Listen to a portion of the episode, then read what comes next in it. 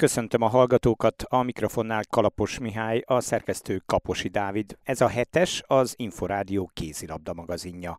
A műsorban interjút hallhatnak Gulyás Péterrel, a Veszprém másodedzőjével, valamint foglalkozunk az érd női csapatának szereplésével is. Tartsanak velünk! Hetes, ezt nem lehet kihagyni. A Veszprém egy gollal kikapott a Dán Goktól a férfi bajnokok ligájában, majd a hazai bajnokságban magabiztosan győzött a Balatonfüred ellen. Az együttesre csütörtökön a Magdeburg otthonában vár fontos rangadó.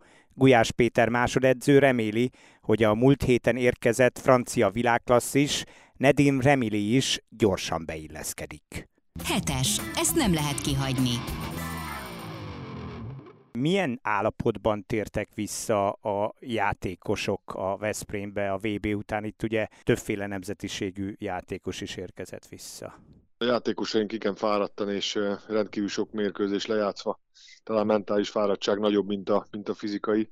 Így érkeztek vissza, és van hat olyan játékosunk, aki nem játszott mérkőzést, ő nekik pedig a mérkőzés hiányuk látszik, és ezt a kettő darab tézist kellene összegyúrnunk a lehető leggyorsabban. Ugye láttuk a Gudma ellen azt, hogy, hogy még akadozik a, a páros kapcsolataink a védelembe, a, a támadásba azok a labdák, amik korábban megtalálták a beállós vagy egymást, azok, azok még nem olyan ütembe mennek, úgyhogy ezen dolgozunk most, hogy ezeket kijavítsuk. Hogyan kell ilyenkor adagolni a terhelést, hiszen volt, aki a klubba edzett, mások pedig eltérő időpontban tértek vissza. Így van, ez a, talán ez a legnehezebb része a, a szezonnak, amikor differenciált munkából jönnek a játékosok, és nagyon nehéz megválasztani azt, hogy tehát készítettük egy programot, ami rögtön az első napon megváltozott, mert eh, éreztük, hogy a játékosok nem úgy tudják végezni a, a, a munkát, ahogy, ahogy azt eh, korábban gondoltuk.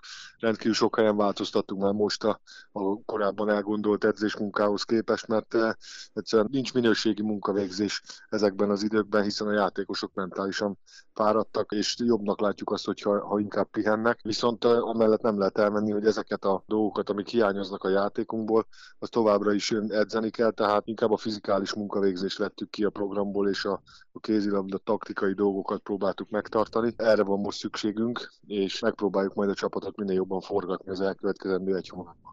Mennyire volt döntő egyébként a 7 a 6 elleni játék különbség a Gudme elleni mérkőzésen? Az igazsághoz hozzátartozik az, hogy ezt ebben a szezonban nem láttuk tőlük, tehát az elején valamelyes meglepetés volt, de mi, miért elkezdett a védelmünk egy kicsit jobban dolgozni, abban a pillanatban ők visszaálltak 6 elleni támadójátékra, és utána sikerült ezeket, ezeket nagy, nagy résszel megfogni, viszont nem azt gondoljuk, hogy nem itt ment el a mérkőzés, tehát nem itt vesztettük el a mérkőzést, hanem a támadójátékunknak a nem megfelelő szervezésében és a, a korán előtt labdák, a, a rosszul bepasszolt, rossz ütembe passzolt labdák, a be beállónak ezek voltak azok a fő tényezők, amik miatt ezt a mérkőzést sajnos elvesztettük az ipáron. Ezek után a Magdeburg következik, ugye csütörtökön, két ponttal előzik meg a németeket, itt már csak a biztos második hely miatt is fontos ez a mérkőzés, ugye? Így van, mind a két csapat tudja, hogy aki nyer, az, az valószínűleg második lesz a legrosszabb esetben. Mi megpróbálunk a a lehető legtöbbet kihozni magunkból, és megpróbáljuk az első helyet megcélozni, hiszen még van rá, van rá esélyünk, úgyhogy mi úgy szeretnénk Magdeburgba utazni, vagy úgy utazunk Magdeburgba kettő nap múlva, hogy, hogy, hogy mi ezt a mérkőzést megpróbáljuk megnyerni.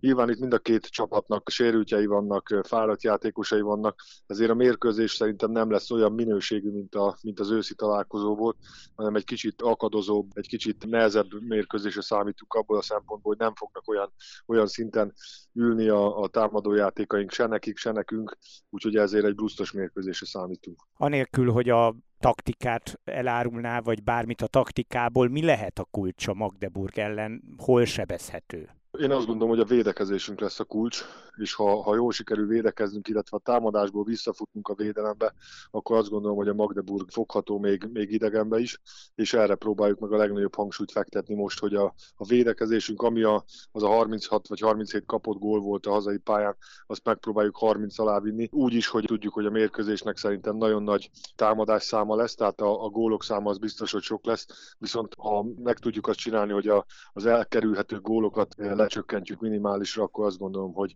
hogy van esélyünk Magdeburgba. Most érkezett a francia Nedim Remili a Kielcétől, ugye a Balatonfüred ellen debütált is, elégedett a bemutatkozásával? Természetesen igen. Mindenki abszolút jól fogadta a játékos érkezését.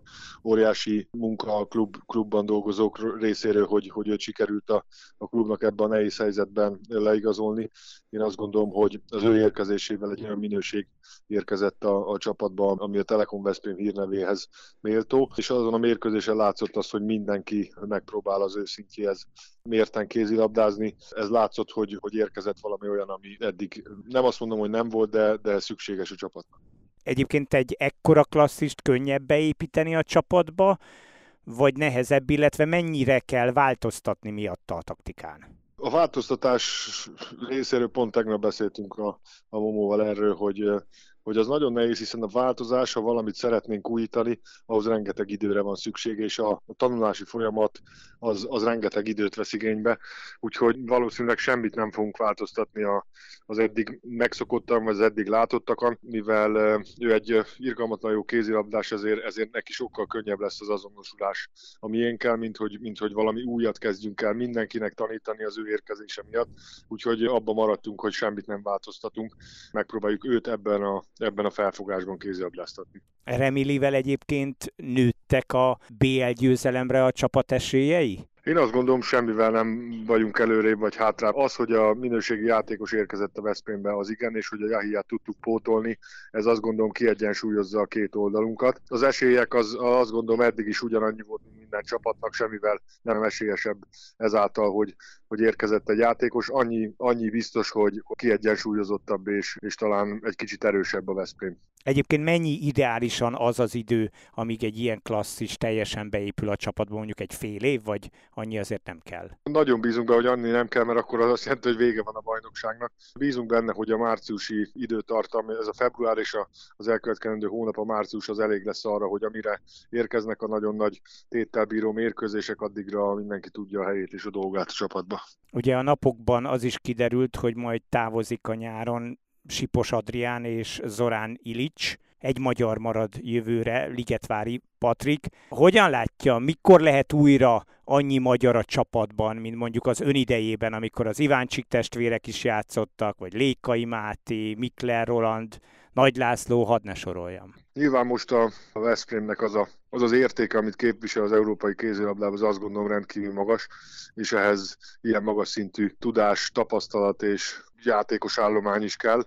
Ez egy többrétű összetevős történet, amint van rá lehetőség, én azt gondolom, hogy a klub az mindenféleképpen fogja ezeket a dolgokat használni, de jelen, jelen pillanatban ott tart ez a klub, hogy a világ elittel talán azt mondom, hogy a top 4 csapattal együtt versenyez azért, hogy ki legyen Európa legjobbja. Ebben jelen pillanatban én azt gondolom, hogy mindenki látja, hogy nehéz magyar beépíteni. Persze dolgozunk rajta, hiszen itt vannak ezek a fiatalok, és ahogy az Orán esetében látjuk, a klub úgy döntött, hogy neki sokkal jobb lesz az, hogy, hogy a Bundesligában megerősödik, és amikor megerősödött, akkor visszatérhet a klubba. Ugyanígy volt a Ligetvári Patriknál. A klubnak jelenleg vannak olyan fiatal játékosai, akik akik szerződés alatt vannak, és megpróbáljuk őket külföldön versenyeztetni a 2023-as szezontól. Én azt gondolom, hogy ezek azok a lépések, amire szükség van ahhoz, hogy ezek a játékosok visszatérhessenek, és amikor megvan ez a tapasztalatuk, megvan ez az élettapasztalatuk, akkor vissza tudnak jönni, és ezen a szinten tudnak kézzelabdázni, amire jelenleg a, a Veszprémnek szüksége van. A, az, hogy dolgozunk rajta, az mindenféleképpen elmondható, viszont ennek, ennek idő kell. Tehát az, hogy a magyar kézzelabdát erősítsük, az nekünk is fontos, viszont csak itt tudjuk jelenleg megoldani, hogy a gyermekeink, akik az akadémiából kijönnek, azok külföldre mennek és ott játszanak. Gulyás Pétert, a Veszprém másodedzőjét hallották. Az Érd 28-24-re győzött a Nekka ellen a női bajnokság alsóházi rangadóján. Mivel azonban a Békés Csaba is nyert, az érdiek továbbra is a kiesést jelentő 13. helyen állnak. A csapathoz egy hónapja érkezett vezetőedző Simics Judit szerint a biztos bentmaradáshoz bravúrokra is szükség lesz. Kaposi Dávid interjúja.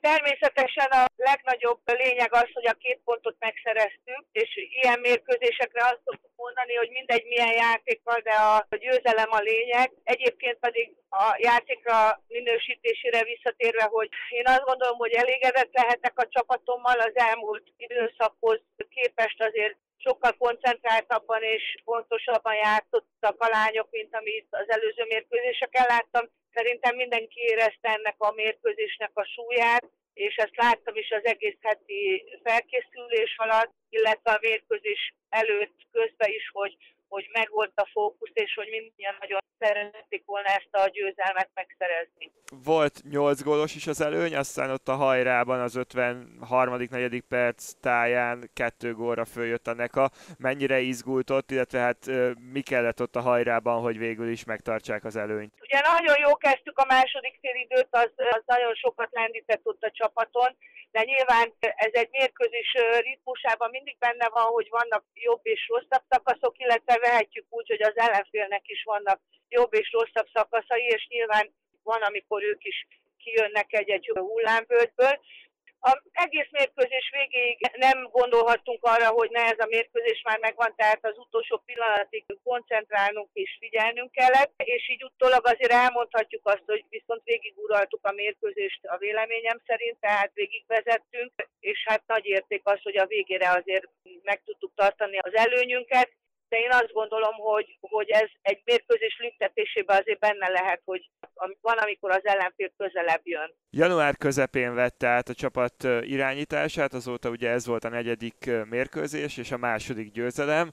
Előtte szintén egy riválist, a Békés Csabát győztek le egy góllal, és a Siófokkal, valamint a Váccal szemben két Európa Ligás csapattal szemben alul maradtak. Összességében ezzel a négy meccsel mennyire elégedett? Hát nyilván ez szintén a kieső riválisainkkal szemben begyűjtöttük a pontokat, illetve hát a Békés csapát idegenbe is sikerült legyőzni, ugye, de azt tudjuk, hogy itt közben már a Békés Csaba folyamatosan olyan mérkőzéseket is megnyert, ami bravúrnak mondható a részéről, és azért elég jól összeálltak így az elmúlt időszakban. A másik, a két vereségünkre pedig annyit mondanék, hogy azok a mérkőzések sikerülhettek volna jobban. Sok hiba volt, azt gondolom, hogy győzelmi esélyünk ott azokban a mérkőzésekben nem volt, de hogy mindig volt valamiben egy pici előrelépés, és szerintem ez volt a lényeg, hogy itt a közös munkában legyen mindig minőségi változás és minőségi javulás, illetve az általam kért dolgokat a csapat tudja venni, azt vissza tudja adni a pályán, realizálni tudja. Ez nem egyébként senkinek csapatnak azt, hogy így bajnokság közben egyik napról a másikra egy új fonalat kell felvenni, ugye edzőnek a csapatával, a csapatnak az edzőivel, tehát hogy ehhez azért idő kell. Ez nyáron egy 6-7 hetes folyamat, amikor felkészül egy csapata az bajnoki szezonra. Úgyhogy ez nem volt könnyű, meg nem is könnyű, még bízom abba, hogy ahogy halad az időbe előre a közös munka, úgy fogunk haladni mindenben. Menet közben, ilyenkor egyébként szezon közben mennyire lehet a játékba belenyúlni? Nyilván nekem megvan a saját elképzelésem a játékról.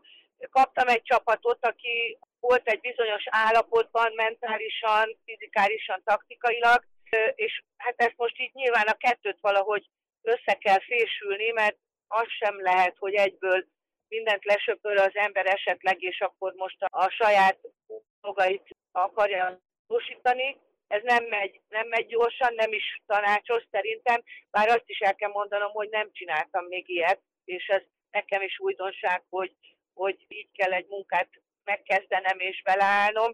Hát ez feladat, igen, hogy az egyensúlyt megtaláljuk, és hogy ebbe azt megtaláljuk, hogy a csapat ebből hogy tud minőségi javulást esetleg mutatni, és mi, hogy tud benne eredményes lenni. Egyébként melyik volt a, a legnehezebb, vagy melyikben kellett legjobban felrázni a csapatot? Mentálisan voltak leülve leginkább, te abban tudott gyorsabb ö, eredményeket elérni? Nyilván az erőnléti munka, vagy, a, vagy akár tényleg a taktika az egy hosszabb folyamat? Hogy a mentális része az mindenképpen rossz állapotban volt, de ez nyilván a folyamatos vereségek azok sohasem hoznak egy jó, jó hangulatot, illetve egy jó időszakot. És ugye ahogy jönnek folyamatosan a vereségek, ez egyre inkább épül lejjebb. És én azt gondolom, hogy ezért nagyon pozitív volt minden szempontból, hogy sikerült a rögtön azt az első mérkőzést megnyerni, amit közösen csináltunk, mert hogy ez egy nagy löketet adott az érzelmi részének is.